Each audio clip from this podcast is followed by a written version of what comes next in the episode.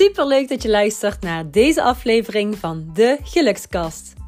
Mijn naam is Inge Tissen en als gelukscoach geef ik jou interessante tips en happy tools voor meer geluk op alle gebieden in je leven. Ben jij op zoek naar inspiratie, nieuwe energie en een positief gevoel? Dan ben je hier aan het juiste adres.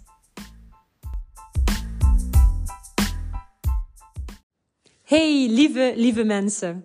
Vandaag heb ik een super inspirerende aflevering met gast voor jullie. Het is haar missie om zoveel mogelijk mensen bewust te maken van hun natuurlijke kracht om zichzelf te genezen en mensen iets te leren over de biologische betekenis van hun symptomen. Een knallende gelukskast over de Germaanse geneeskunde, EFT en leven vanuit je eigen kracht. Oké, lieve mensen, hier is ze dan. Laurie, welkom in de gelukskast. Dankjewel. Wat een eer om hier uh, te mogen zijn. Echt een eer. Dankjewel voor de uitnodiging. Heel graag gedaan en vooral super tof dat jij er bent. Ja, absoluut. Je vertelde dat je het best wel spannend vond. Ja, dit is, heel, uh, dit is een grote stap voor mij. Uh, ook om ja, zo kwetsbaar en open en eerlijk te zijn publiekelijk. Heel lang het gevoel gehad dat ik mezelf niet durfde te laten zien of te laten horen. Door belemmerende overtuigingen eigenlijk. En uh, dit jaar voelt helemaal als het jaar dat dat wel mag. En dat ik er mag zijn en mag staan. En dat ik mijn verhaal mag vertellen. Uh, omdat ik ook vind dat ik een belangrijk verhaal heb te vertellen. Uh, dat ik hoop veel mensen te kunnen helpen. En ja, dus toen jij me vroeg voor deze podcast, dacht ik, ja, dit is het moment dat ik naar buiten mag treden. Dus ook echt de complimenten aan jou, dat ik me zo comfortabel bij jou voel. Oh, wauw, super lief. Ik krijg helemaal kippenvel, dankjewel. Alsjeblieft. Oh. We gaan echt in deze aflevering, of ja, jij vooral, want ik ga vragen stellen en jij gaat ze beantwoorden vanuit jouw hart. Ja. mensen inspireren en motiveren om, ja, ik zeg altijd, eruit te halen wat erin zit. Ja, absoluut. Yes. Zeker. Laurie, stel je eens even voor aan de luisteraars. Ja, ik ben Laurie. Ik ben uh, eh, 32 jaar oud, uh, geboren en getogen in Roermond. Uh, eh, 12 jaar in Amsterdam gewoond. Heb ik het heerlijk gehad. Maar ik was weer toe aan de rust en uh, eigenlijk ook wel het simpele bestaan. En Amsterdam is veel uh, druk, gekte, leuke mensen. En uh, ik voelde op een gegeven moment toch van nee, sinds ik ook dit energetisch werk ben gaan doen, voelde ik heel erg van ik, ik wil terug op een plek waar veel natuur is, waar veel rust is. Ja, en dan kan je overal gaan zitten, maar dan is Roermond dus toch je thuisbasis. En dan denk je van ja, dan ga ik lekker terug. ook bij de familie. Um, ja, en ik ga gelijk diep, maar ik kwam ook hier uh, terug omdat er nog stukken waren die ik hier mocht helen, zeg maar in de familie. Ja. Uh, en ik voelde dat ik dat alleen kon doen als ik hier terugkwam. En dat is tot nu toe heeft dat echt fantastisch uitgepakt. Dus naast voor de rust waren hier ook nog stukken die ik, waar ik voor weg was gelopen en ik kwam terug en uh, die heb ik gelijk aangepakt. Ja, wauw. En thanks voor het delen. En als je dat vertelt hè, over die stukken in jezelf, kun je daar iets over vertellen uh, aan ons? Nou, ik denk dat we allemaal belemmerende overtuigingen hebben waar we mee rondlopen. Hè? En eigenlijk waar ik net al mee begon in het begin van, nou, dat ik echt het gezien worden. Ik mag niet, ik kan niet gezien worden of er is geen ruimte voor mij om gezien te worden. Um, zo heb ik mij in, in het gezin gevoeld. Als middelste in een familie. Uh, er was ook heel veel aan de hand, heel veel ziekte en dat soort dingen. Maar met mij was eigenlijk nooit iets aan de hand. Dus ik had mezelf uh, eigenlijk onzichtbaar gemaakt en al mijn familieleden eigenlijk boven mij geplaatst. Uh, maar dat betekende nu in mijn volwassen leven dat ik ook heel vaak in die situatie getriggerd werd. En me weer klein voelde en me weer... En eigenlijk wat ik wilde is pure liefde naar mijn familie. Wat er ook is gebeurd. Ik wilde gewoon niet meer getriggerd worden. Want ik wist, als ik het in de familie ging oplossen, dan kan, dan kan ik het overal. Want daar zit je, dat is je kern. Hè? En, en dat ben ik eigenlijk met, met elk familielid gaan doen. Van wat triggeren zij en mij? En wat zegt dat eigenlijk over mij? En dat kan je dus het beste doen door er echt bij te zijn. Ja. En hoe reageerden dan uh, je familieleden hierop? Want het is natuurlijk een heel mooi stuk wat je ja, voor jezelf aanpakt. Ja, eigenlijk heel goed. Uh, mijn familie staat hier. Uh, niet iedereen volgt helemaal wat ik doe.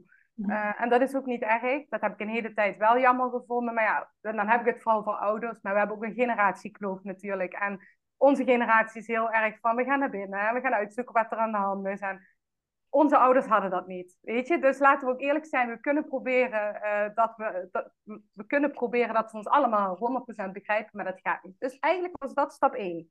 Ja. Hè? Mijn ouders zijn mijn ouders. Zij doen hun best. Uh, op hun manier. Dus vergeef ze ook de stukken die, je pijn, die, die jou pijn hebben gedaan. Of waarvan jij denkt dat zij ja, jou tekortschieten eigenlijk. Nou ja, dat. En ik heb dan ook gesprekken met, met mijn vader als met mijn moeder gehad. En met mijn broer en met mijn zus. En eigenlijk moet ik eerlijk zeggen dat ik stuk voor stuk, dat ik echt vind dat ze het fantastisch dan oppakken en met me meedenken. En ja, het is eigenlijk alleen maar heel erg mooi. Wauw. Ja, heel, en heel mooi en heel kwetsbaar meteen ook aan het begin van deze aflevering. Ik denk dat dit ook iets, wat je, iets is wat je waarschijnlijk heel veel mensen ook aanraadt. Klopt dat? Het, het hele in het familiesysteem bedoel Ja, absoluut. Want kijk, uiteindelijk alles wat vandaag gebeurt, hè, wat jou triggert, dat is altijd iets wat in je jeugd is gebeurd. Dus als jij bijvoorbeeld, stel je voor, jij irriteert jou, jou nu aan mij, mhm. dan heeft dat niks met mij te maken. Dat heeft te maken met iets wat jij in je jeugd hebt meegemaakt. Ik, ik maak iets bij jou los, wat ooit iemand anders bij jou heeft losgemaakt. Dus het is eigenlijk altijd een uitnodiging als jij getriggerd wordt om te kijken van, hé, hey, waar kan ik helen? Waar heeft dit ooit in mijn leven eerder plaatsgevonden? Want het zegt niks over het nu. En ja, in je familie, daar is alles ontstaan. Dus als je daar de stukje gaat helen, als je je in, in je familie in balans voelt, en ook systeemtechnisch iedereen op zijn plek zet, ja, dat, dat is waar echt complete heling komt. Dus ik raad het zeker iedereen aan, ja. Ja, wauw. Ja, ik herken het natuurlijk als geen ander. Hè. Het uh, stukje belemmerende overtuigingen is iets wat ik met ITIS coaching ook heel erg aanpak bij de coaches. Ja. Lekker het doorbreken van die oude bullshit patronen. Ja. We hebben het dan ook over uh, natuurlijk familie, maar ook meer dan dat. Want wat als ik nou als, bijvoorbeeld als uh, coachie um, nog een probleem heb met een leerkracht van vroeger, of een probleem in de zin van, uh, die heeft je toch op een, of andere manier gekleineerd. Je kunt mhm. de leerkracht dan niet meer, uh, misschien is diegene misschien al heel lang uh, overleden, dat zou ook wel zomaar kunnen. Maar goed, hoe zou je mhm. dat dan uh, aanpakken? Nou, wat ik dan eigenlijk doe, en dat is in mijn eigen proces wat mij geholpen heeft en wat ik nu dus met mijn cliënten doe, is eigenlijk altijd teruggaan naar dat moment dat die leerkracht jou dus uh, vernederd heeft. Wat ik dan eerst doe, is ga kijken met de cliënt welke emotie zit daar nog. Hè? En dan zeggen ze in eerste instantie, als we net begonnen, ja, nee joh, dat, dat is zo lang geleden, weet ik eigenlijk ook niet meer. Doen ze de ogen dicht in de meditatie en boem, ze worden boos. En dan zeg ik, hoe boos ben jij nou op een schaal van 0 tot 10? Of verdrietig, of onzeker? Oh, dat is zeker een 9. En dan zeg ik, oh, waar voel je dat? Ja, bij mijn hart en in mijn keel. En denk, oeh, het zit er nog wel degelijk, hè? En dat is ook dus het, de intelligentie van het onderbewuste, die dus dat ook ons daarvan afschermt. Maar die wel op ons vandaag behandelen wel op basis van die herinneringen. Nou, en dan middels EFT, eh, dus dat is kloppen eigenlijk. Ja, ik ben EFT gecertificeerd, ik zie je jaar geleden. Ja, helemaal top, dit is echt de tool.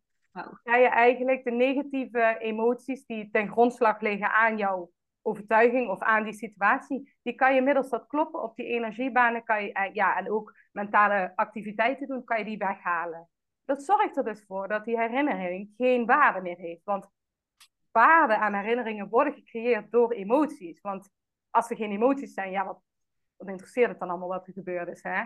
Dus uh, als je die naar een nulpunt brengt, dan zeggen ze ineens, oh god, oh nee, dat doet me even niks meer. Plus wat ik dan heel belangrijk vind, is altijd proberen compassie te hebben voor de ander.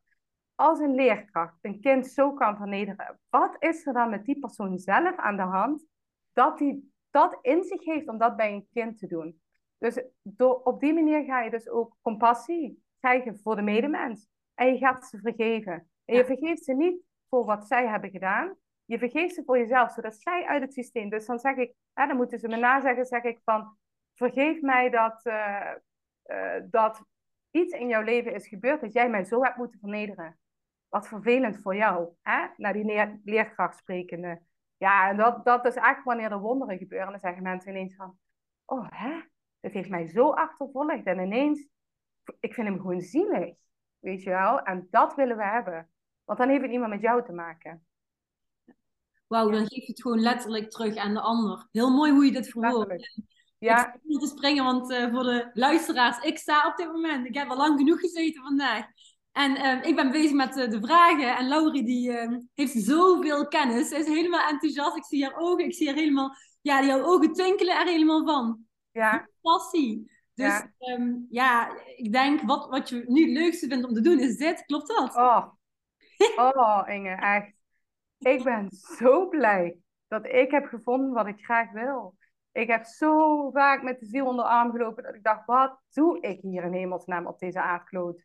Hm. Ik begreep het allemaal niet. En eindelijk heb ik het gevoel dat ik denk, ik weet wat ik hier doe. Weet je, en dat, en, en dat je mensen op zo'n diep niveau kan helpen. Hè? En beginnende bij jezelf, waar je ooit dacht van ik ben het slachtoffer van alles wat me is gebeurd. Ik heb pech met mijn verleden. Ik heb... En nu denk ik, nee. Het is juist, het heeft mij alles geleerd en ik pak hem gewoon helemaal terug en ik leer mensen gewoon, het is juist wat je hebt gekregen zijn allemaal cadeautjes. Om ervoor te zorgen waar je nu bent. Wow. Ja.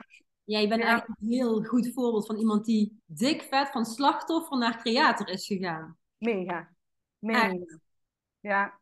Ja, want het slachtoffer in mij, en die hoor ik dan straks ook, ja, maar Laurie, uh, nu gaat ze allemaal vragen aan jou stellen. Nu moet jij, uh, ga je in de picture staan, maar dat, dat kan jij toch helemaal niet? Weet je? Ik hoor ze nu, maar ik ga er niet meer op in. Snap je? Dus ik denk, maar nee, ik weet dat het anders zit. Dat is mijn ego die me probeert nu te beschermen. Of die is bang om af te gaan. Snap je? Maar ik, ik, ik weet gewoon, al ga ik af. We gaan allemaal af.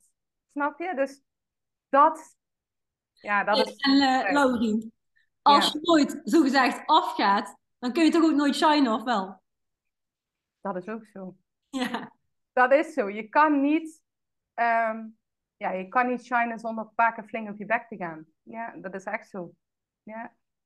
En dat ook dan met kracht gewoon doen en denk, oké, daar ga ik. Maar ik pak hem wel. Weet je, dat. Ja. Heel mooi, heel mooi. Ik ga er al helemaal van op aan hier. Ik zie het. ja, helemaal te dansen en te... Hey. Ehm, dan kan ik jou ook de vraag stellen. Uh, is dit dan voor je op deze? Want jij zegt niet, ik zeg altijd planeet, ik ben helemaal uh, into the planet. Maar jij zegt dan op deze aardkloot, is ook een mooie woordspeling. Ja. Is dit waarvoor jij op deze aardkloot bent gekomen? Ja. Ja, ik ben eigenlijk op deze aardkloot gekomen om uh, ja, mensen eigen mensen te leren hoe ze weer gebruik kunnen maken van hun eigen kracht. Iets wat ik geloof dat door, ja, door angst toch veel van ons wordt afgenomen. Hè? Van, nee, leg het maar in de handen van anderen. En dan, weet je, en, en dan blijf je het slachtoffer. En ik wil mensen leren dat ze echt alles zelf kunnen oplossen. Ik geloof dat echt tot alle ziektes aan toe. Ja. Uh, alles is oplosbaar. En heel veel mensen krijgen daar, gaan daar de haren van rechtop staan. Want hè, we hebben allemaal echt hele vreselijke verhalen om ons heen van mensen die heel erg hebben moeten lijden. Uh, maar ja, ik, ik wil toch mensen laten zien dat het kan. Want ik zie het met mijn cliënten, het kan. Mensen helen van ja, dingen waarvan eigenlijk wordt gezegd, daar kom je nooit meer vanaf. Ja, en, uh, er staat hier een voorbeeld voor je neus, Laurie. Dus uh, ik ben een levend voorbeeld hiervan. Ik herken het als geen ander. En daar... waar, heb jij, waar, waar, heb jij dan last van gehad waarin je, waarvan je geheeld bent? Oké, toen ik 20 jaar was, mooie vraag trouwens, maar de meeste luisteraars weten dit. Toen ik 20 jaar was, werd tegen mij gezegd: Inge Tissen, je hebt reumatoïde artritis. Jij zult oh. de rest van je fucking leven aan de medicijnen zitten. Jij kunt, ja, ook maar moet je kijken wat een programmering hè. Jij uh, kunt niet meer voetballen, skiën, tennissen, alle dingen die ik heel graag deed. Ja. En oh ja, Inge, als je ooit mama wilt worden, dan moet je een jaar gestopt zijn met die troep van de medicatie, of nee, dat zeggen ze dan niet, met de medicatie. Ja. En dan zul je heel veel pijn gaan hebben. Dus vraag je, af, dus vraag je af of je dat wel wil. Of het dat wel waard is. Ja. Zo, die krijg je daarna verband, 20 jaar. Wat ja. voor toekomstperspectief was jij? Ja. Ja, en dit, ja, dit is wat ik bedoel. En ik denk niet dat het met de verkeerde bedoelingen wordt gedaan. En dat wil ik gelijk zeggen, want mensen uh, waar dit soort diagnoses worden gegeven, wordt ook niet geleerd dat er verbinding is tussen lichaam geest en wat er allemaal mogelijk is. Dus die mensen hebben echt geleerd dat dat zo is. Uh, en ik denk dat, het, ja, dat daarom zoveel mensen opstaan zijn. En, en heel goed bij jou ook, van er is een andere weg. En die mag gedeeld worden. Ja. 100% Die mag, nee, ik sta nu mijn punt, die moet gedeeld ja, worden. Ja, ja, ik was misschien bescheiden, ik ben het met je eens. Die moet gedeeld worden. Ja, eens. Wauw. Al meteen wat raakvlakken hier in de geluks. Ja, mooi. absoluut. Heel mooi. hey, en, en hoe komt het nu dat je dit vandaag de dag doet? Waar komt dit alles nu vandaan? Want je zegt het was een hele zoektocht. Kun je daar over vertellen? Ja, eigenlijk door een hele zware angststoornis die ik heb gehad. Dus ik ben, uh, denk ik, op mijn 1,22ste. Uh, toen is, voor de eerste keer heb ik een paniekaanval gehad. En geen idee wat het was. Uh, heel veel mensen herkennen dat ook wel. Je denkt dat je doodgaat. Uh, ik dacht dat ik een tumor had. Geen idee van ziektes en zo. Dus ik dacht echt, ja, weet je Lau, je gaat eh, binnen nu en twee jaar ben jij dood.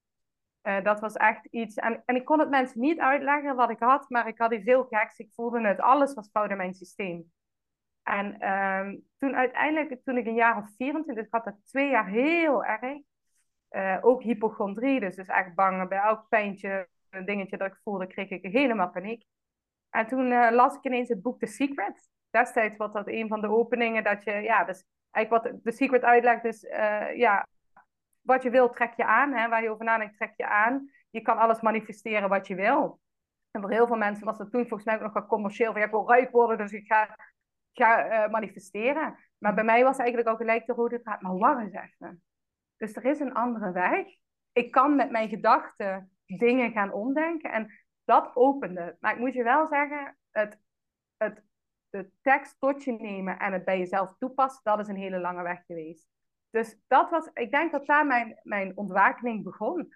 Uh, maar ik heb mezelf nog een jaar of zes daarna gewoon echt heel slecht gevoeld. In de zin, alle soorten angsten die je kan bedenken, heb ik wel gehad. Uh, waarin sociale angst het meest prominent. En heel veel mensen die mij kennen, die zullen zeggen, Laurie, sociale angst. Ik had allemaal maniertjes om het te vermommen en ik heb ook een hele tijd heb ik me afgezonderd. En, en, en ik dacht eigenlijk van ja, hier kom ik nooit meer uit. Weet je, ook heel vaak gedacht van ik denk dat ik liever dood ga dan dat ik hier rondloop. Want wat is dit voor leven? En uiteindelijk na heel veel onderzoek erachter komen van uh, wacht even, dit, dit angst is een symptoom van een hele diepliggende oorzaak. En wel bij veel psychologen geweest, maar ook dat hielp niet. En uh, kalmeringstabletten gehad, maar ja, dat, dat voelde voor mij ook niet dat ik dacht van hier wil ik nou mijn hele leven van afhankelijk zijn. En toen een onderzoek gaan doen. En eigenlijk kwam ik toen op het, ja, die, de, de, verbinding tussen lichaam-geest, traumaheling, innerlijk kindwerk. En zo heb ik mezelf eigenlijk helemaal in die richting uh, gewerkt. En dacht ik, ik moet, ik moet en zal die sleutel vinden. Ik denk, ik ga niet, ik ga niet slapen voordat ik dat heb gevonden. Weet je? Dus ik ga mezelf ook niks aan. Ik moet weten waar dit over gaat. En stiekem voelde ik al, vind het ook wel allemaal heel interessant wat ik nou allemaal lees. En eigenlijk op het moment dat mijn stiefvader uh, André uh, gediagnosticeerd werd met uh, longkanker, dat is nu twee jaar geleden, toen had ik heel veel geleerd over, over zelfgenezing en heling. En die kreeg longkanker en ja, ik kreeg ook zo'n klapper van een diagnose en ik denk, hier klopt gewoon iets niet. En wij gaan, of niet, hier klopt iets niet. Ik dacht, nee, er is een andere weg. Er is nu niet, want hij zei eigenlijk, meneer, u gaat binnen nu en een paar weken, zal u er niet meer zijn. En toen dacht ik, nee. Toen heb ik hem een appje gestuurd. Toen heb ik gezegd, André, ik weet hoe je erbij ligt. Ik weet dat je bijna niet kan ademen, maar ik denk dat er nog een andere manier is. Zou je met mij op pad willen gaan om dat te ontdekken? En toen kreeg ik terug, en ik heb zijn appjes nog. Hij is helaas wel overleden, maar het is een heel mooi pad geweest. Toen appte hij en toen zei hij, uh, ja Laurie, wat moet ik doen? En hij kreeg op dat moment geen lucht meer. En ik kreeg weer kippenvel als ik eraan denk. Uh, toen wilde de arts een morfine toedienen. En toen heeft hij gezegd, nee, wil kalmeringstabletten, zet me maar rechtop. Toen kreeg hij lucht. Dus de hele nacht gaan mediteren. En dat had hij nog nooit in zijn leven gedaan. Dus ik heb hem allemaal filmpjes gestuurd. En uh, is hij dat gaan doen. En de volgende dag was hij een ander mens. En hij was niet beter, maar hij kon weer ademen. Hij had vooruitzicht. En zo zijn we aan het werk gegaan. En um, ja, we zagen gewoon heel veel vooruitgang. Alleen ja, constant dat labeltje, dat labeltje. En, maar het mooie was, hij ging naar het ziekenhuis en op een gegeven moment zijn tumoren waren geslonken. Dat kreeg hij last in zijn linker schouder, een ontsteking. Nu weet ik in de Germaanse geneeskunde, vertel ik straks wel over ontsteking, is juist een teken van heling. Goed, hij wist dat niet. Hij ging naar het ziekenhuis. Oh ja, meneer, we moeten nu denk ik wel een hersenscan maken. Ja, en toen zat zijn hersenen vol met tumoren. Um, en ik zeg even on quote, om in de Germaanse geneeskunde betekent dat heel anders wat ze daar in de hersenen zien. Maar ja, wat denk jij als je hoort dat je twintig tumoren in je kop hebt? Ja, dus toen is hij enorm achteruit gegaan. En toen dacht ik, hier klopt iets niet. En een maand voor zijn overlijden stuitte ik eigenlijk op de Germaanse geneeskunde. En ik kon zo de hele puzzel leggen. En de oh. Germaanse... Ja, en, maar ik wilde hem vertellen, maar zijn, zijn uh, geheugen was aangetast. Dus hij, ik het was over voor hem. En uh, is hij overleden, maar ik wist met die Germaanse geneeskunde, ik rook, ik denk dit, dit, dit is sowieso wat bij mij past.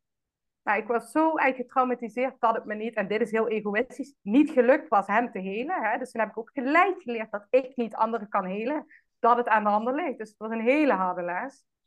Maar toen dacht ik, ik moet er niks mee te maken hebben, want iedereen keek me ook raar aan toen ik die Germaanse geneeskunde had ontdekt. Ik dacht, Laurie, hou je, blijf daarvan weg. En toen had een paar maanden weggelegd, maar dat bleef, ja, dat bleef knagen. En toen dacht ik, weet je wat? Nee, wacht, zo ging het. Toen ging ik naar een medium toe, omdat ik met anderen in, contact wilde komen. En die vrouw zegt altijd, Laurie, ik zie altijd een kompas. En ik ja, kompas, dan moet ik toch met een kompas? Weet je, ik heb helemaal... Zei, ja, misschien voor je logo, voor je bedrijf. Ik nee, ik vind het heel lelijk, wil ik helemaal niet. En uh, ik ga naar huis toe. En ik had wel over de Germaanse geneeskunde gepraat. En ik ga naar huis toe. En die vrouw die zegt, Laurie, je weet niet wat er nu gebeurt. Maar ik zoek de Germaanse geneeskunde op. op en ik vind me dat blaadje uit. En op de eerste pagina zie ik een kompas, het Hamers kompas. Ja, en toen was voor mij de confirmatie, dit is wat ik moet doen. En toen dacht ik echt, dikke vinger naar iedereen die mij helemaal gestoord vindt. Maar dit moet ik doen. En zo is eigenlijk mijn pad. Ja, ja precies. En dat voelen en de, de tekens, signalen, of hoe je het wilt, ook gewoon zien en hierop anticiperen. Want heel veel mensen zien van alles en nog wat, maar durven niet de stappen te zetten. Dus heel, echt heel dapper en heel krachtig van ja. jou. Ja, dankjewel. Ja.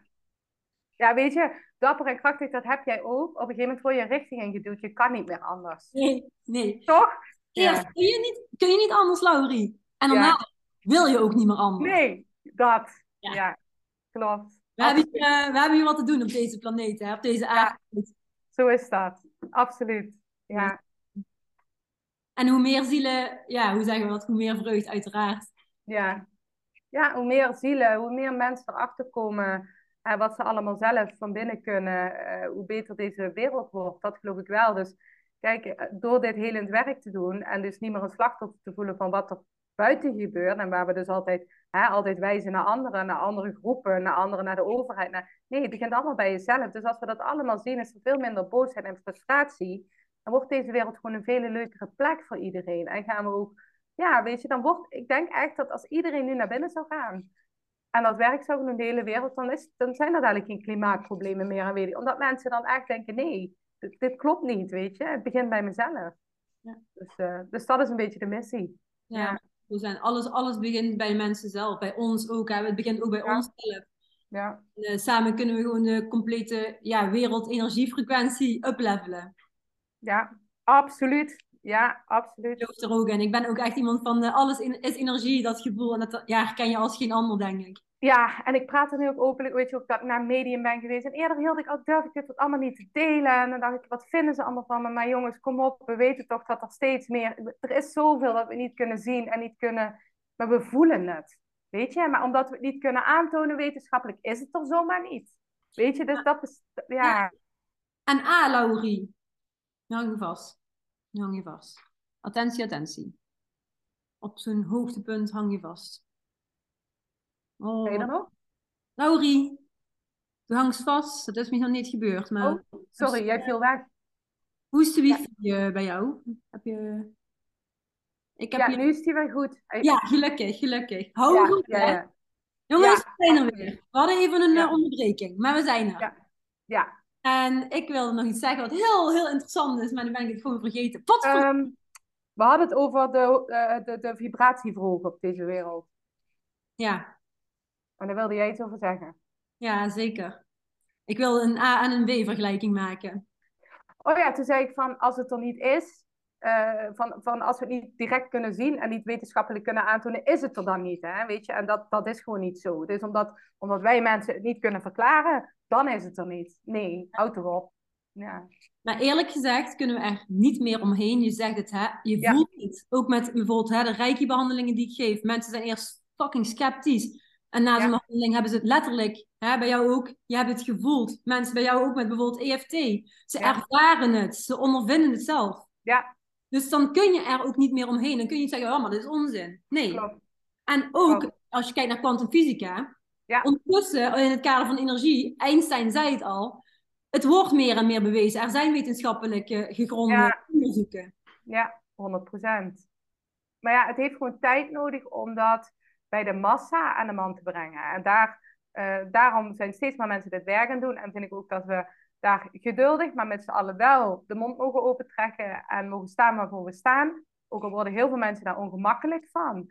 Ehm, de wereld gaat hier wel naartoe. En, en ik denk dat het belangrijk is dat wij hier gewoon, en dat doe jij ook, dat steentje daaraan bijdraagt. Dat, want het is gewoon heel mooi.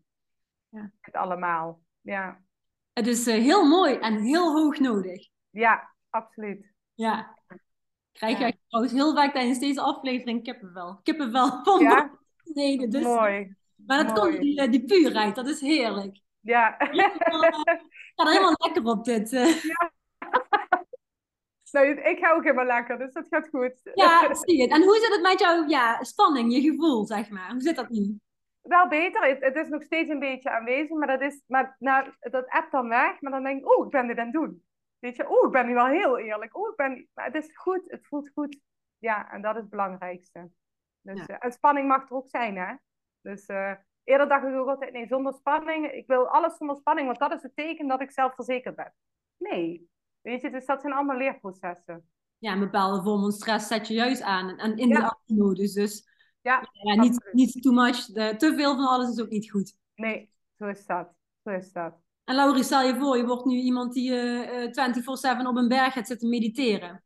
Ja. Ik bedoel, dan kun je ook niet je missie... Uh, dat, en dat is het eigenlijk, hè. Van, ik voel die, als ik mijn ogen sluit en ik ga mediteren, dan voel ik immense connectie. En ik heb heel lang ge, ge, gesukkeld met het feit dat ik dan mijn ogen opende en ik dacht, waar ben ik eigenlijk? Maar nu is het tijd om uh, ja, letterlijk thuis te komen in mijn lichaam. En voor heel veel mensen klinkt het misschien zweverig, maar als je dus zo hoogsensitief bent, ben je heel erg verbonden ook met alles dat is. Dus vlieg je letterlijk heel vaak. Dus ik moet altijd hard werken om te ademen. Ja. Um, en dat kan ik doen door dit soort dingen te doen. Want ik ben hier nu in, op deze planeet en hier doe ik mijn werk. Dus uh, nee, het, het, thuiskomen in mijn lichaam en ook het thuiskomen in die, op aarde. Dat is uh, belangrijk. En dus mijn werk kunnen doen vanuit die kracht. En niet denken van, oh, weet je, ik ben zo verbonden. Maar als ik hier kom, dan ben ik eigenlijk doodbang. Want uh, al die ego's en al die... Nee. Vanuit liefde handelen. Vanuit liefde. Ja. ja. En uiteindelijk, alles is liefde. En liefde is alles. Ja. Ja, absoluut. Helemaal ja. eens. Ja. Yes. Die heb ik niet opgeschreven, die zit in mijn hoofd. Nee. Laurie, waar zie je jezelf over vijf jaar? Ben je iemand die van in het nu leeft of ook af en toe denkt van ja, hey, hoe zit het in de toekomst? Het gekke is dat ik vroeger altijd in de toekomst zat te denken, maar het voelt dat ik nu in die toekomst ben. Dus ik ben waar ik moet zijn. Ik, weet dat uh, dit zich enorm gaat ontwikkelen, dat voel ik. Dus waar ben ik over vijf jaar? Over vijf jaar um, werk ik met groepen. Um, uh, uh, ja, ben ik meer zichtbaar. Eigenlijk waar ik nu met jou dat eerste steentje leg om echt naar buiten. En dat doe ik wel op mijn socials, maar echt om zo geïnterviewd te worden. En dat, dat gaat dadelijk meer komen, dat voel ik. Uh, ook omdat ik dat wil. Omdat ik belangrijk vind deze informatie te delen. Dus, dus dat zie ik meer en meer voor me. Uh, maar ik heb heel veel zin in de toekomst. En, en ik heb heel veel vertrouwen in de toekomst. En dat is iets wat ik eerder nooit zo had. Uh, en dat is genoeg voor nu. Ja. ja. ja genoeg en ook heel mooi hoe je het zo formuleert. Ja. Dus, uh, Dankjewel. Weer een uh, bomvolle, inspirerende gelukskasaflevering. Zo is dat. Ja, je bent een goede interviewer. Weet je, dankjewel. Ja, goed gedaan. Ja. Ik lul zelf er ook op los met uh, verschillende afleveringen. Maar ik vind het juist heel mooi om af en toe zo, ja, zo iemand als jij te mogen ontvangen. Ja. Dat uh, is alleen maar heel, ja, een, ik zie echt de meerwaarde ervan in. Dankjewel. Ja. Dankjewel. Dat is echt een compliment. Ik heb die andere niet geluisterd, omdat daar ook weer eens denk van, dat doe ik een ander moment. Want anders ga je denken, oh. Dus daar moet je jezelf nog op trainen. Tenminste, dat heb ik dus. Uh, niet gewoon mezelf zijn. Niet vergelijken en go. Ja. Ja. Hoe zit het bij jou in, uh, op social media, Laurie? Hoe dat gaat? Ja, hoe, nou in de zin van uh, een stukje vergelijken. Ben je dan iemand die heel erg um, nog veel anderen volgt? Of juist zegt van, hé, hey, ik, ik, volg niet te veel mensen, ik doe mijn eigen ding, ik kijk niet te veel. Hoe zit het bij je? Ik heb heel lang mensen gevolgd en dan gedacht, oh, zoiets moet ik ook doen. Maar ik voel mijn hele systeem dat, dat ik, heb, ik doe het op mijn manier. En dat is ook de enige manier die werkt.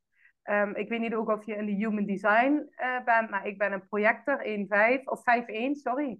Ja. En wat ben jij? Wat denk je, als je mij zo'n beetje kent? Ik denk een generator, een manifesting generator, denk Yes, ik. manifesting generator. Ja, dat zie ik helemaal aan al jouw actie. En dat is dus grappig, want ik zie jou vaker gaan. Ehm, en dan denk ik van, ja, ik zie dat, maar ik kan dat niet. Als projector zijnde, ik moet steeds wachten op de uitnodiging. Dat jij mij nu uitnodigt voor deze podcast.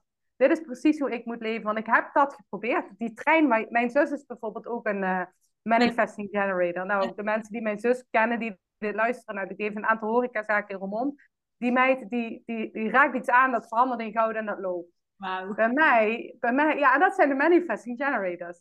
Maar bij mij moet het allemaal veel rustiger, omdat mijn energie ook vaak intens overkomt. Dus eh, ik, moet, ik wacht op de uitnodiging en dan mag ik mijn gesprek doen. Maar als ik nou zonder jou erbij dit allemaal zo eens even ging spuien, kan dat bij heel veel mensen verkeerd aankomen, energetisch. Ja. Dus dat wetende, dat heeft mij heel erg geholpen me niet meer te vergelijken. Omdat we zijn allemaal zo anders. We hebben allemaal zo'n ander, ander energieveld en andere opdracht in het leven. Dus ik kan me wel gaan meten, maar ja, ik moet het toch op mijn eigen manier doen. Dus heb ik gedaan, doe ik niet meer. Ik ben ook helemaal niet meer bezig met hoeveel volgers ik heb, hoeveel likes ik heb, hoeveel. Want um, uh, dat in het begin dacht ik dat dat dus de maatstaf was. Maar het grappige is dat ik nu een groep volgers heb die best wel intiem zijn. En die dus, dus daar komen constant nieuwe cliënten uit. En dus dat floot lekker. Dat, en dat is voor mij goed. En dat groeit.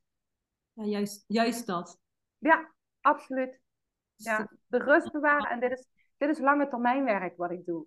Ik wil niet nu binnen, binnen nu een twee jaar zoveel volgers om, maar dit of, nee, ik doe dit de rest van mijn leven. Dus mensen gaan me wel vinden die me moeten vinden, die gaan me vinden. Dat. Ja. Ja. ik herken heel erg wat je zegt. En ik kijk, als je dan kijkt, een stukje marketing, ik zelf ook, hè, mensen hebben van allerlei dingen te zeggen over als je bezig bent en groeiende bent. Ja. Um, bijvoorbeeld op Instagram, misschien word je ook al benaderd door verschillende business coaches, links en rechts. Ja. Die potentie zien en denken, zo, die gaan eens even lekker. Uh, hè? Ja. ja.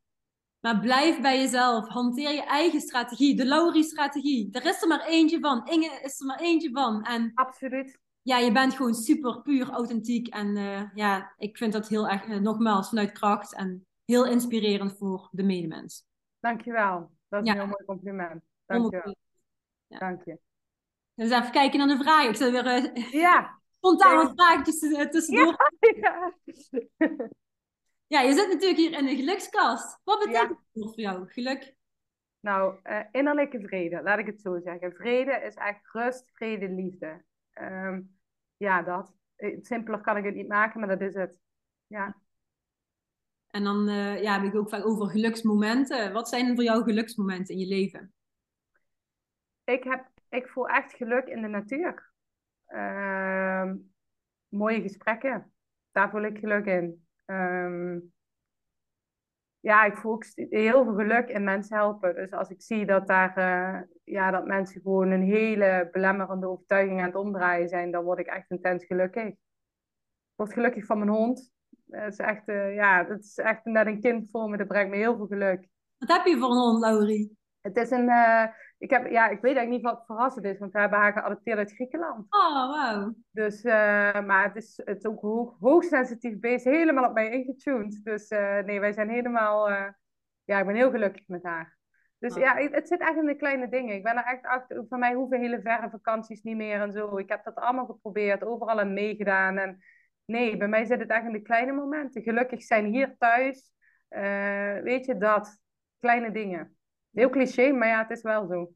Ja, zeker, zeker. En Ja. ook voor de luisteraars heel interessant om ja, zelf over na te denken. Wat betekent voor de luisteraars geluk? En Mm. mensen vinden, of ja, denken dat ze het geluk kunnen vinden in externe dingen. Dus eh, ik zeg Ja. altijd, als dan principe. Nou, Ja. als ik dit huis heb, of als ik de- die dikke villa heb, dan ben ik gelukkig. Oh, de buurman heeft een zwembad. Daar hebben we ook nog laatst een aflevering over. De buurman heeft een zwembad. Als wij dat zwembad ook in de tuin hebben, dan. Ja. Heel vaak Ja. ook realistisch wel. Ja, ja en, dat, en daar ben ik inmiddels vanaf gestapt. Ik denk dat we allemaal daaronder lijden of hebben geleden. Aan dat syndroom van oh, eh, externe dingen gaan me gelukkig maken. Maar eh, nee, dat voel ik altijd dat niet zo is. Moet ik wel zeggen dat ik natuurlijk ook echt werk heb gevonden. Wat, ja, het is gewoon echt, ik noem het echt mijn zielswerk. Ik denk als je ergens gelukkig van, als, als mensen echt gelukkig willen zijn, zoek, ga op zoek. Ga helen, ga doen om zo dicht mogelijk bij je ware zelf te komen en het werk te gaan doen waarvoor je naar deze planeet bent gekomen. En ik denk dat je dan echt gelukkig bent. Dat is voor mij. Ja. Ja, precies. Als je eigenlijk je zielsmissie gewoon letterlijk leeft. Ja, ja, 100%. Ja.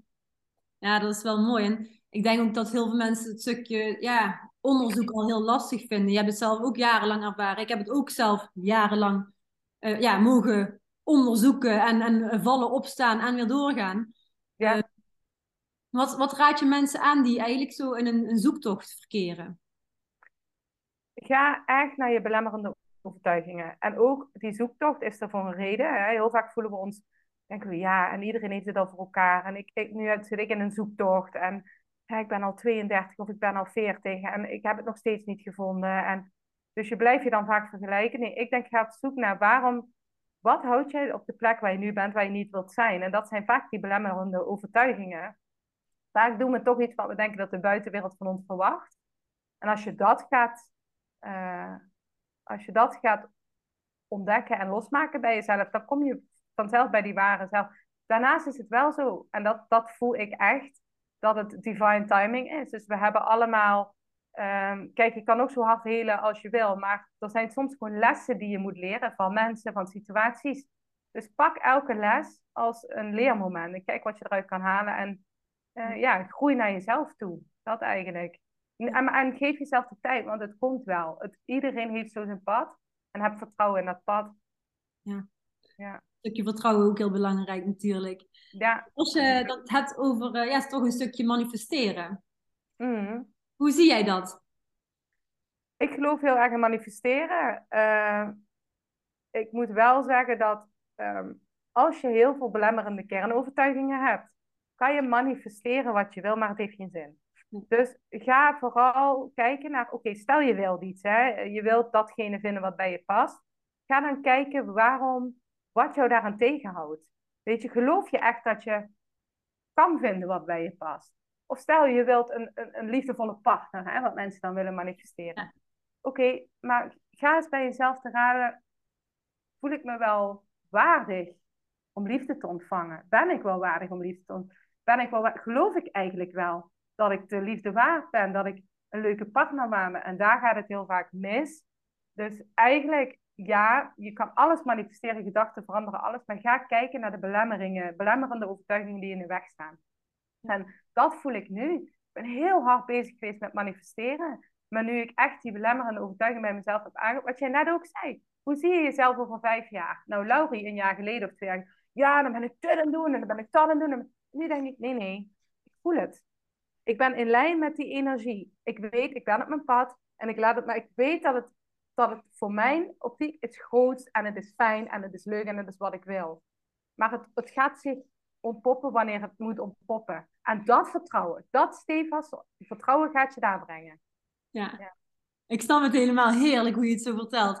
Jij, jij, bent ook echt in alignment. Dat is eigenlijk het woord wat je, hè, dat kun je mensen natuurlijk vertellen. Inmiddels wel, maar dat heeft me echt, jongens, geen grap, dit heeft me tien jaar. Want ik ben dus nu 32. Ik denk nu de afgelopen maanden dat ik dus echt in die versnelling aan het gaan ben, dat ik echt aligned ben. Tien jaar bloed, zweet, tranen. Mensen die ook zeiden, Laurie, wanneer stop je met aan jezelf werken? Wanneer... Laat het je niet aanpraten. Als jij voelt dat je aan jezelf moet blijven werken, doe het alsjeblieft. Want sommigen op deze wereld, het is onze taak, en dat heb jij waarschijnlijk ook, dat je aan jezelf moet werken, omdat je dan weer anderen kan helpen. Dus ja. vergelijk je niet met anderen, doe vooral wat bij je past en wat goed voelt. Er is geen één waarheid, er zijn er honderd miljoenen. Ja. Dat eigenlijk. Ja. En ook de dingen die op je pad verschijnen. Ja, en als ik over mijzelf dan praat, toen ik twintig was, uh, rheumatoïde artritis, was ook een heel dik vet signaal. Wat kun jij daar bijvoorbeeld over zeggen over deze, hè, dus een ontsteking? Ja. Eigenlijk, rheumatoïde artritis is een ontsteking van alle gewrichten. Ja, ja uh, botten, gewrichten, spieren is eigenlijk een eigenwaarde inbreuk. Ja. Germaanse geneeskunde, dus ik ben niet goed genoeg, uh, dat soort dingen. Dus misschien herken je dat, dat weet ik niet. Ja, hartstikke onzekerheid, uh, ja. op en door. Ik was een ontzettende big pleaser. Ja. To de max, dus dat, dat heb ik ook allemaal mogen helen in mezelf. Ja. Uh, die stukken, maar inderdaad wel door mezelf aan te gaan kijken. Juist. Ja. En ook, uh, vanuit liefde naar mezelf te gaan kijken. Een stukje zelfliefde is ook, denk ik, bij heel veel mensen een topic. Ja, absoluut. En, en dat is het vaak mensen dus met potten, of eigenlijk altijd, zo zie ik dat, hè, dat is mijn waarheid, dit is wat ik, waar ik mensen mee help en wat werkt. Dus de gemaanse geneeskunde is potten, bier, spieren, gewrichten, eigenwaarde inbreuk. Want dat is je gestel waarin je op deze aarde rondloopt. Dat is je kracht en je bent dan niet in je eigen kracht. Je, je geeft je kracht weg, snap je? enorm. Ik snap het nu, denk ik, ja, als geen ander. Maar ja. Um, heel veel mensen denken meteen, hè, ik ben mijn voeding ook radicaal gaan omgooien. Want dat was ook vanuit zelfliefde eigenlijk. Ik, ik was een heel smal, uh, ja, hoe zeg je dat, meisje. Ja. En um, ik, vrat, ik vrat echt letterlijk alles. Van de Me Mexicanos met uh, dikke saus, uh, frietzuurvlees, mayonaise. Ja, de frituur bij in de straat, Laurie. Dus als je ja. niet ziet, is wat ik alleen maar at, was dat. Ja. Ja. En dat is ook, heeft ook met zelfliefde te maken. Want het is je lichaam. Ja, jij weet dat, is natuurlijk je lichaam niet uh, voeden, maar vergiftigen. Ja, jezelf eigenlijk kapot maken. Hè? Dat is net zoals met roken. Ja, die heb, die heb ik ook. Ja, daar ben ik nu weer een tijd mee gestopt. Maar dat is wel iets wat in mijn leven blijft terugkomen. Ik, ik denk dat ik er nu echt vanaf blijf. Maar dat is pure zelfdestructie. Ja. En vanuit bijvoorbeeld de Germaanse geneeskunde, daar een stukje over. Mm -hmm. Wat kun je erover vertellen? Nou, Germaanse geneeskunde legt eigenlijk ziekte en symptomen uit van biologisch, uh, vanuit biologisch perspectief. Dus vanuit de embryologie en de evolutie. Vanuit de natuur dus. Um, waarin, ik de, waarin de moderne geneeskunde of medische basiskennis niet het, het lichaam vooral ziet als een systeem. Als een, er zijn weinig verbindingen. Uh, er wordt niet naar de onderliggende oorzaak gekeken, maar naar symptomen. Um, nou, nu is in de Germaanse geneeskunde wordt uh, ja, wordt het gewoon vanuit natuurlijk aspect wordt het uitgelegd. En dat vind ik heel belangrijk. En eigenlijk het grootste verschil met de moderne geneeskunde is dat Germaanse geneeskunde zegt, kijk, moderne geneeskunde zegt, oké, als je ziek bent, je hebt symptomen, dan gaat iets fout. Dat moeten we bestrijden, dat moeten we aanvallen. De Germaanse geneeskunde zegt, nee, jij bent een genezing. Ja, en dit is natuurlijk, hè, mensen die dit voor het eerst horen, die denken, wat zegt die meid, die is niet goed. Maar als je na gaat denken, wij bestaan allemaal uit triljoenen cellen. Die werken allemaal perfect samen. Ooit waren we er eentje. Wij zijn gaan delen in meerdere cellen. En die cellen hadden de intelligentie dat de ene wist, ik moet naar de nagels. De andere wist, ik moest naar de ogen. De andere naar de haren. Dat wisten die allemaal. Wie of wat stuurde die cellen aan? Snap je? Dus je gaat al, wat zit erachter? Nou, dan krijg je dat lichaam, oké, en op een gegeven moment zijn wij wie we zijn. En ik praat nou heel vol auto automatisch met jou. Ik knipper automatisch met mijn ogen. Alle, heel veel gaat automatisch. Maar wie of wat is dat bewustzijn daarachter? Die snapt wat die moet doen. En dan heb je dan weer mensen die zeggen, ja, dat is uh, de hersenen. Ja, maar wie of wat in de hersenen weet wat die moet doen? Snap je wat ik bedoel? Ik snap het. Dus dan komen we heel snel bij iets dat veel groter is dan ons allemaal. Oké, als die cellen dan allemaal zo perfect samenwerken, waarom zouden dan cellen zijn in ons lichaam die ons allemaal kapot willen maken? Snap je, waarom zou die intelligentie zoveel defecten hebben? En dus de Germaanse geneeskunde gaat dan op een gegeven moment kijken en de arts die dit ontdekt heeft, die, uh, die, dat was een oncoloog um, en, en die werkte in uh, München. En, uh, of nee, dat was een in, in, ja, wat in het Engels is het een internist at the Oncology Department in Munich. Ik doe alles in het Engels, dus ik wil even. Ja? Laat hem, in het Engels, laat hem in het Engels staan, beter. Een internist op de oncologie, dat is het. Ja, oké. dus op een uh, afdeling met allemaal kankerpatiënten. En uh, hij verloor zijn zoon op een zeer tragische wijze. Um, zes weken na het verlies van zijn zoon had hij werd hij gediagnosticeerd met tilbouwkanker.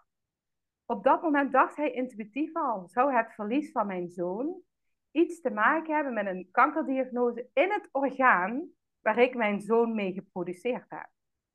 Hij is dat gaan onderzoeken. Hij is met alle patiënten op zijn afdeling, dus al die kankerpatiënten, is hij gaan spreken.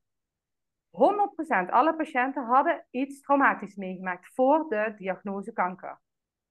Maar toen dacht hij, oké, dat, dat was al duidelijker, hè, dat, dat dat zo was. Maar toen dacht hij, waarom heeft de ene botkanker, de ander borstkanker, de ander longkanker? Wat, wat is dan het verschil?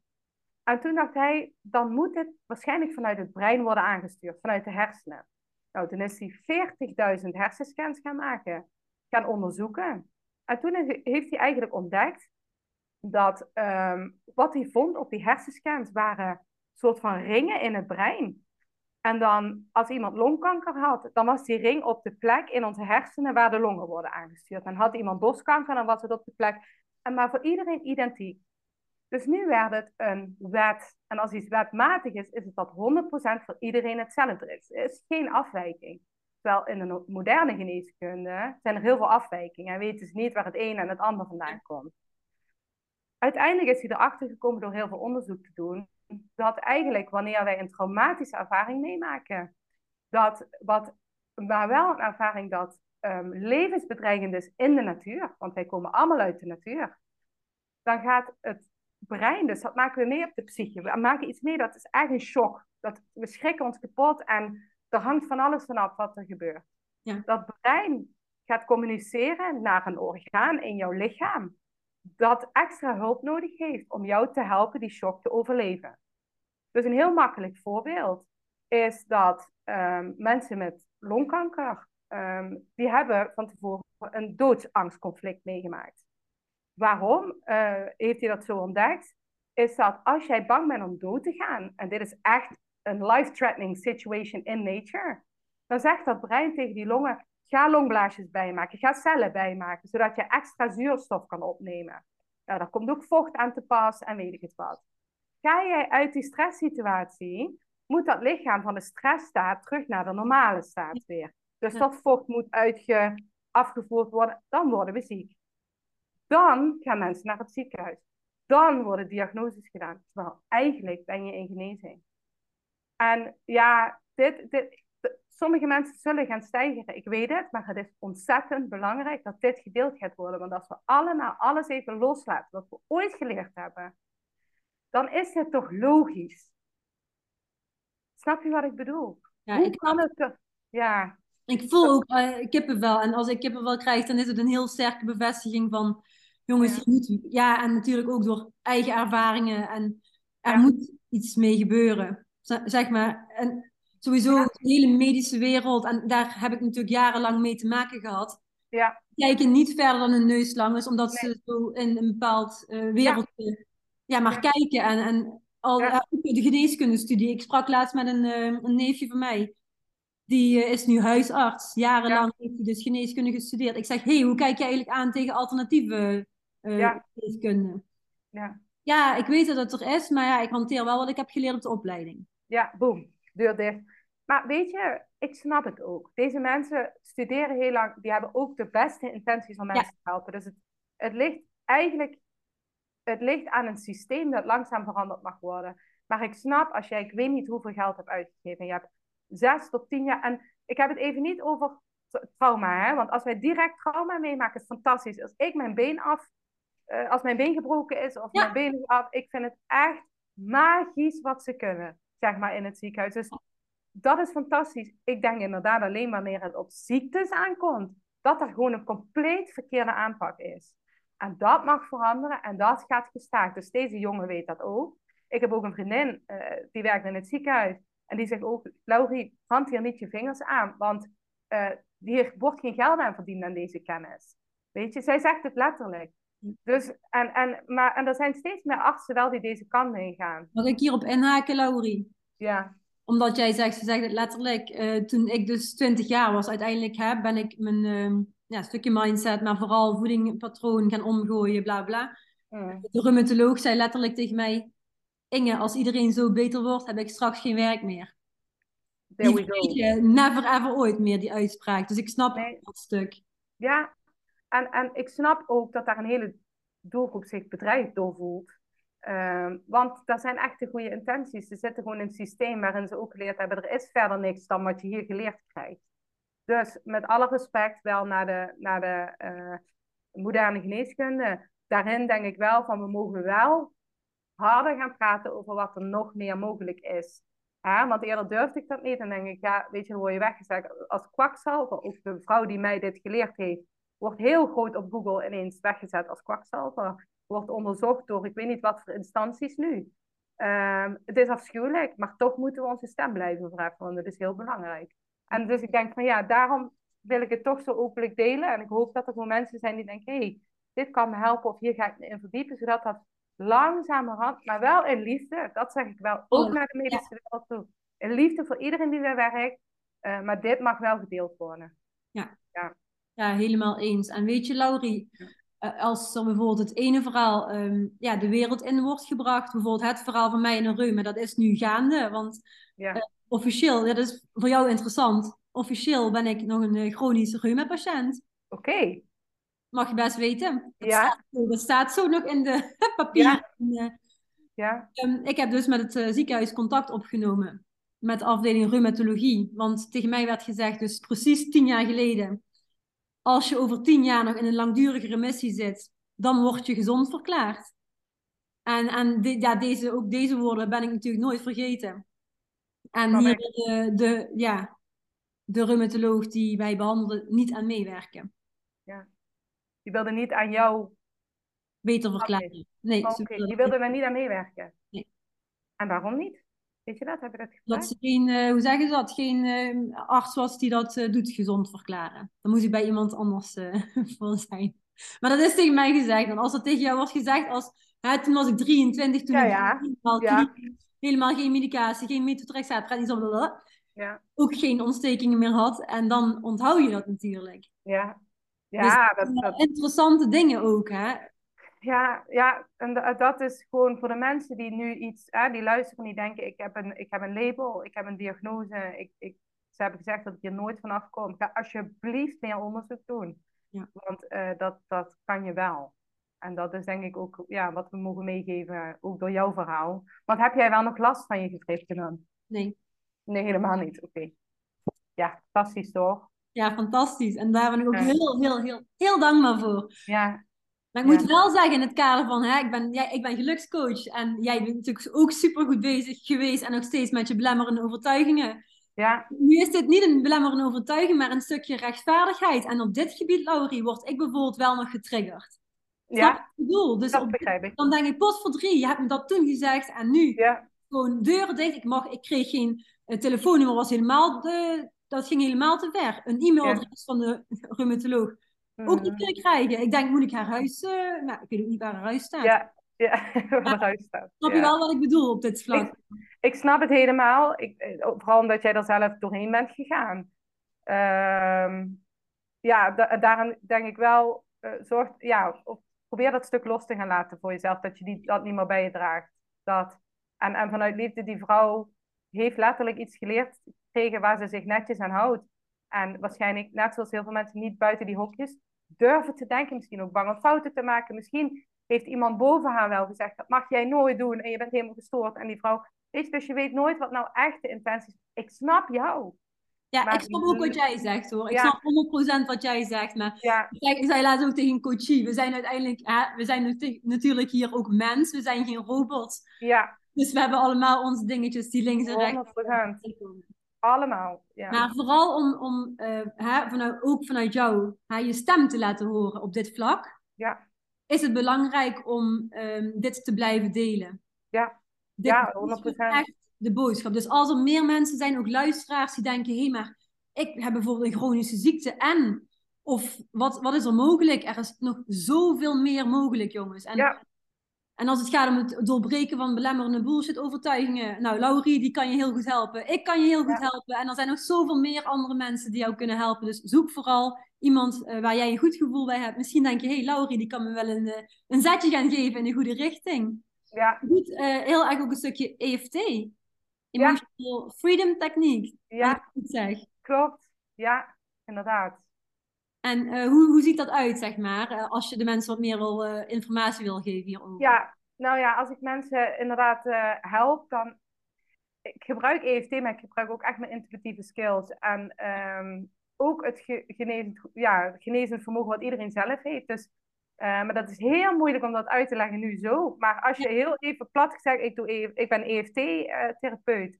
en wat je eigenlijk doet, Um, bij, door kloppen op je energiebanen, hè, je hebt er meerdere, ook bij de acupunctuur wordt gebruikt. Als je daarop gaat kloppen, dan maak je eigenlijk contact met je onderbewuste brein. En in dat onderbewuste zitten al je programmeringen, dus ook al je belemmerende overtuigingen. En door het kloppen op die energiebanen gaan we eigenlijk die overtuigingen naar een nulpunt brengen.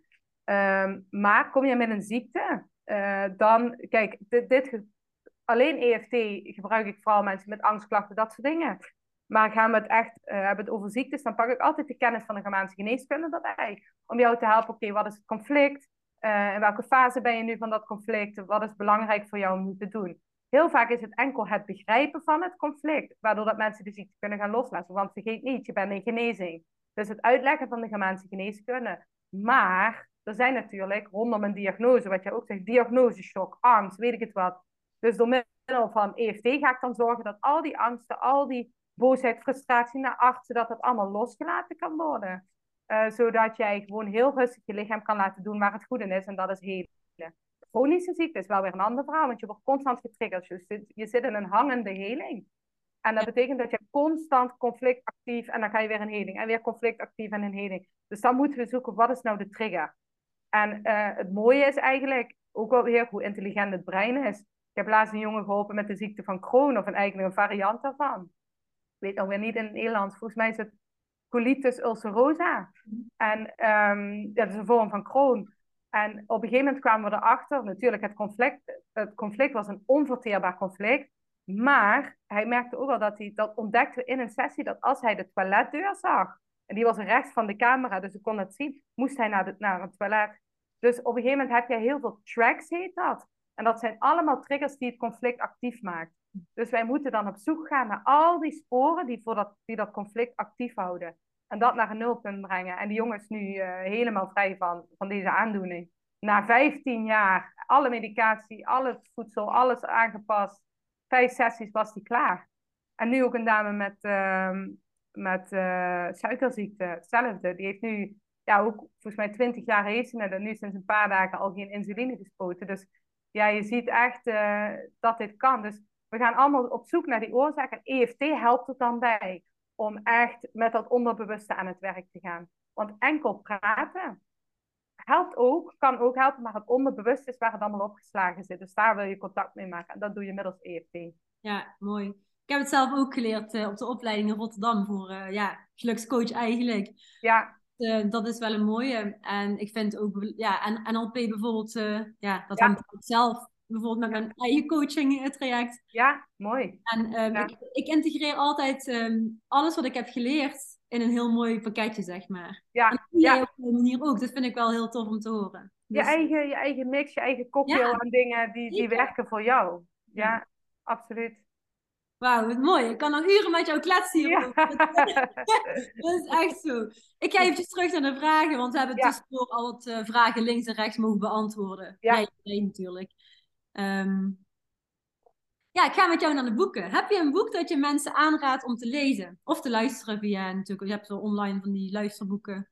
Ja, nee, absoluut. Ik denk uh, Joe Dispenza, die ken je misschien ook wel. Ah, en dan... Ja, daar ben ik fan van. ja, ja. Change the Habit of Being Yourself. Ik weet niet of die in het Nederlands is, maar ik, ik heb hem in het Engels gelezen. Dus verander de gewoonte. gewoonte van jezelf of zo. Nou ja, je kan hem met Joe Dispenza als je dat opzoekt. Maar ook You Are the Placebo van Joe Dispenza. Dus die laat eigenlijk zien, uh, ja, het placebo, hoe, wat we eigenlijk kunnen met onze zelfgenezende kracht.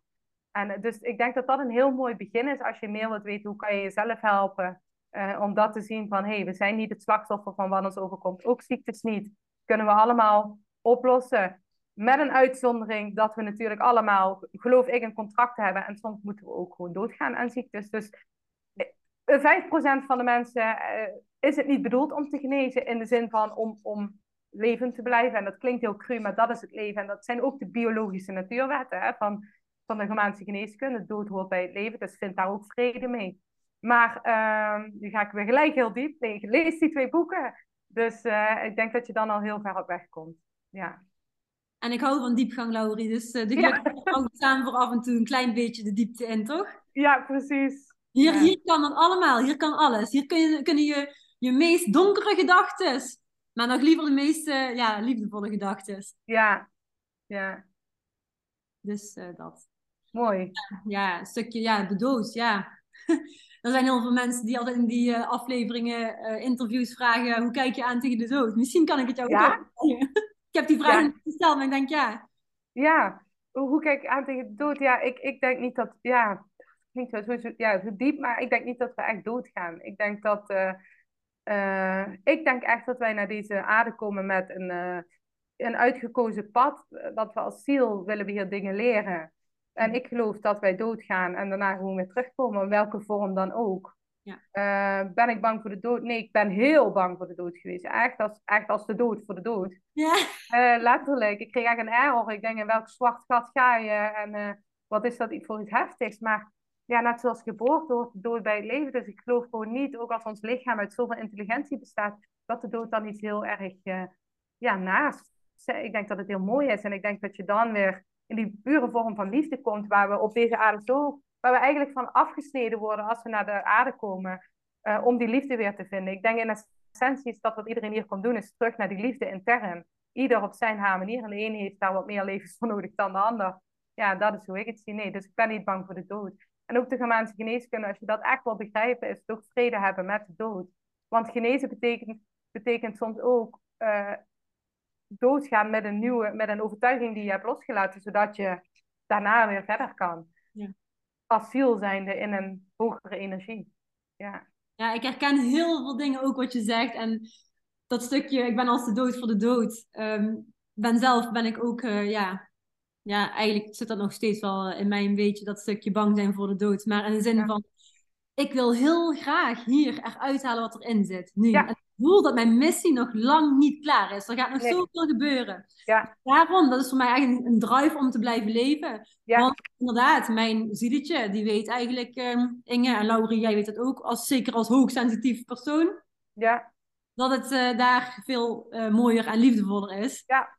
Ja. Dus ja, met dat gegeven. Als ik dan een boek heb die je kan lezen, en ook voor anderen die angstig zijn voor de dood, lees het Spookje van de Dood, heet dat. Ik weet even niet meer wie de schrijver is, maar dat legt dit zo mooi uit. En voor mij, weet je, soms heb je gewoon dat alles resoneert in je lijf.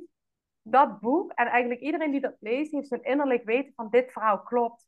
En dit gaat over het zielenpad, van uitkiezen wie je ouders zijn, tot het sterven en wat er dan gebeurt. En ja, en of het 100% is, maar het voelde voor mij dat ik dacht, ja, zo voelt dit voor mij. Ik, ik ben niet bang om dood te gaan. Nee, echt niet. Wauw. Nee. Ja, ik, dat kan ik dus nog niet zeggen. Vind ik super knap dat jij dat uh, zo hard kunt zeggen. Maar, nou ja, goed, misschien het woordje bang is het niet. Hè? Het, het woordje bang. Ja. Um, maar heb jij dan niet dat je nu denkt, ik heb eindelijk gevonden wat bij me past. Ik wil nog niet dood. Ik wil dat nu kunnen leven. Dat gevoel. Of wat, waar, waar, wat maakt jou bang? Heel erg heb ik dat. Ja. Ik heb hier een sessie op gedaan met mezelf. Ja. En ik heb het idee en, uh, dat ik in die sessies ben ik achtergekomen dat ik heel vaak of ben doodgemaakt. Doordat ik deed wat ik wou doen. Of uh, vaak vroeg overleden ben. Dus dat ik mijn missie niet heb kunnen volbrengen. En ik had deze angst ook. Ik kwam op mijn pad en ik dacht gelijk, maar nu ga ik dadelijk dood. En nu kan ik het weer niet vervullen. Dus dat heeft mij aangezet. Dus zie dit als een uitnodiging voor jou om door jouw vorige leven pijn te werken. Want ik denk dat dat er zit. Bang dat je in dit leven, want in vorige leven zijn we afgemaakt voor het werk dat we doen. Uh, bang uh, dat, dat je dat misschien nu weer overkomt. En die, die karmische energie loslaten. Ja, Laurie, ik heb het wel weer. Ja. Vandaag ik heb het wel. Uh, ja. Wel dingetje, dus. Dus het is denk ik een uitnodiging voor jou om daarin te gaan duiken. Want de, ultieme bevrijding als je angst voor de dood hebt losgelaten. Want alles is goed, alles is zoals het moet zijn. En jij voelt aan alles dat je hier bent met een grote missie. Dus het gaat niet gebeuren, snap je? Niet nu. Nee, en dat weet ik, wat je nu zegt, dat weet ik ook. Ja, met de angst om het niet te kunnen volbrengen. Ja, ja, ja. wow, I love it. Ja. Jouw allerlaatste, en je hebt denk ik in deze aflevering al zoveel mooie adviezen mogen geven. Ik denk dat heel veel mensen dat ook de oren eventjes gaan klapperen, maar dat ze wel gaan ja, nadenken en, en heel erg geïnspireerd zullen zijn. Ja. Wat is jouw nummer één gelukstip voor de gelukskast luisteraars?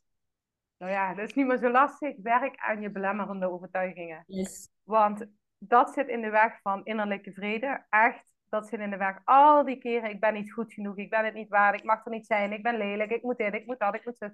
Haalt je allemaal weg van liefde en van vrede. En die overtuigingen zijn niet wie jij bent, die heb je gecreëerd onderweg en vooral in je kindertijd. En als je die gaat helen, ga en je leven zal niet perfect zijn, hè? en dat moeten we ook niet vergaan. Maar je gaat wel echt rust en liefde vinden. Dus ja, ga helend werk doen. Pak alles aan. Ben ook niet bang om daar geld aan uit te geven. Ga je, als je daar bang voor bent, ga dan naar waarom ben ik bang om aan mezelf geld uit te geven? Waarom geef ik die wel aan die fles wijn uit en aan die auto, maar niet voor mijn eigen geluk? Snap je? Dus ga dat lekker doen en uh, word gelukkig. Wauw. Thanks, Laurie. Hey, luisteraars, waar kunnen de luisteraars jou vinden? Welke social media kanalen? Alles Ik ben vooral actief op Instagram. Uh, dus zoek me vooral op Instagram. Ook op Facebook, gewoon op uh, Laurie, volgens mij Facebook, Laurie Janssens Coaching. Ja. Op Instagram, Laurie Janssens. Ja. Um, ook als je Germaanse geneeskunde of German New Medicine in het Engels intikt, vind je mij ook al redelijk bovenaan. Wow, gewoon op mijn naam. Uh, en uh, ik ben een website aan het bouwen, dus daar ben ik nog mee bezig.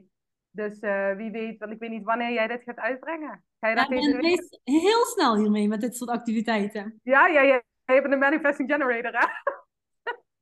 ja, liever gisteren dan morgen. Ja. Nee, maar goed. En anders dan kunnen we het misschien nog erbij zetten in je ja. de bio. Of waar, waar je het opschrijft. Maar ik ben met een website bezig. Ja. Uh, maar op Instagram kunnen mensen mij vinden. Kunnen ze ook een uh, 10 minuten call aanvragen. Dan kunnen we even kennis maken. Gewoon vrijblijvend. Kan ik je alles uitleggen hoe ik jou kan helpen. Je kan me ook gewoon DM'en en zeggen... Lau, kan je me misschien hiermee helpen? Ik kan je ook daar alvast vertellen wat ik wel of niet zou kunnen doen. Of wat misschien een diagnose voor je betekent. Dus voel je gewoon vrij om mij lekker te bellen of, te, of te, uh, een bericht te sturen. Altijd. DM is altijd heel krachtig. Dus, uh... Ja, lekker DM'en. Just do it. Ja.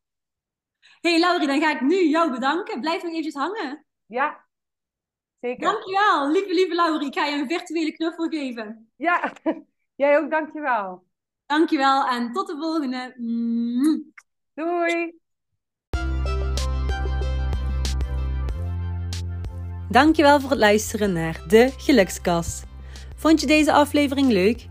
Delen is natuurlijk super lief en ik zou het heel erg leuk vinden als je een beoordeling achterlaat. Het is een kwestie van sterretjes aanklikken. Dankjewel voor het luisteren en tot de volgende keer.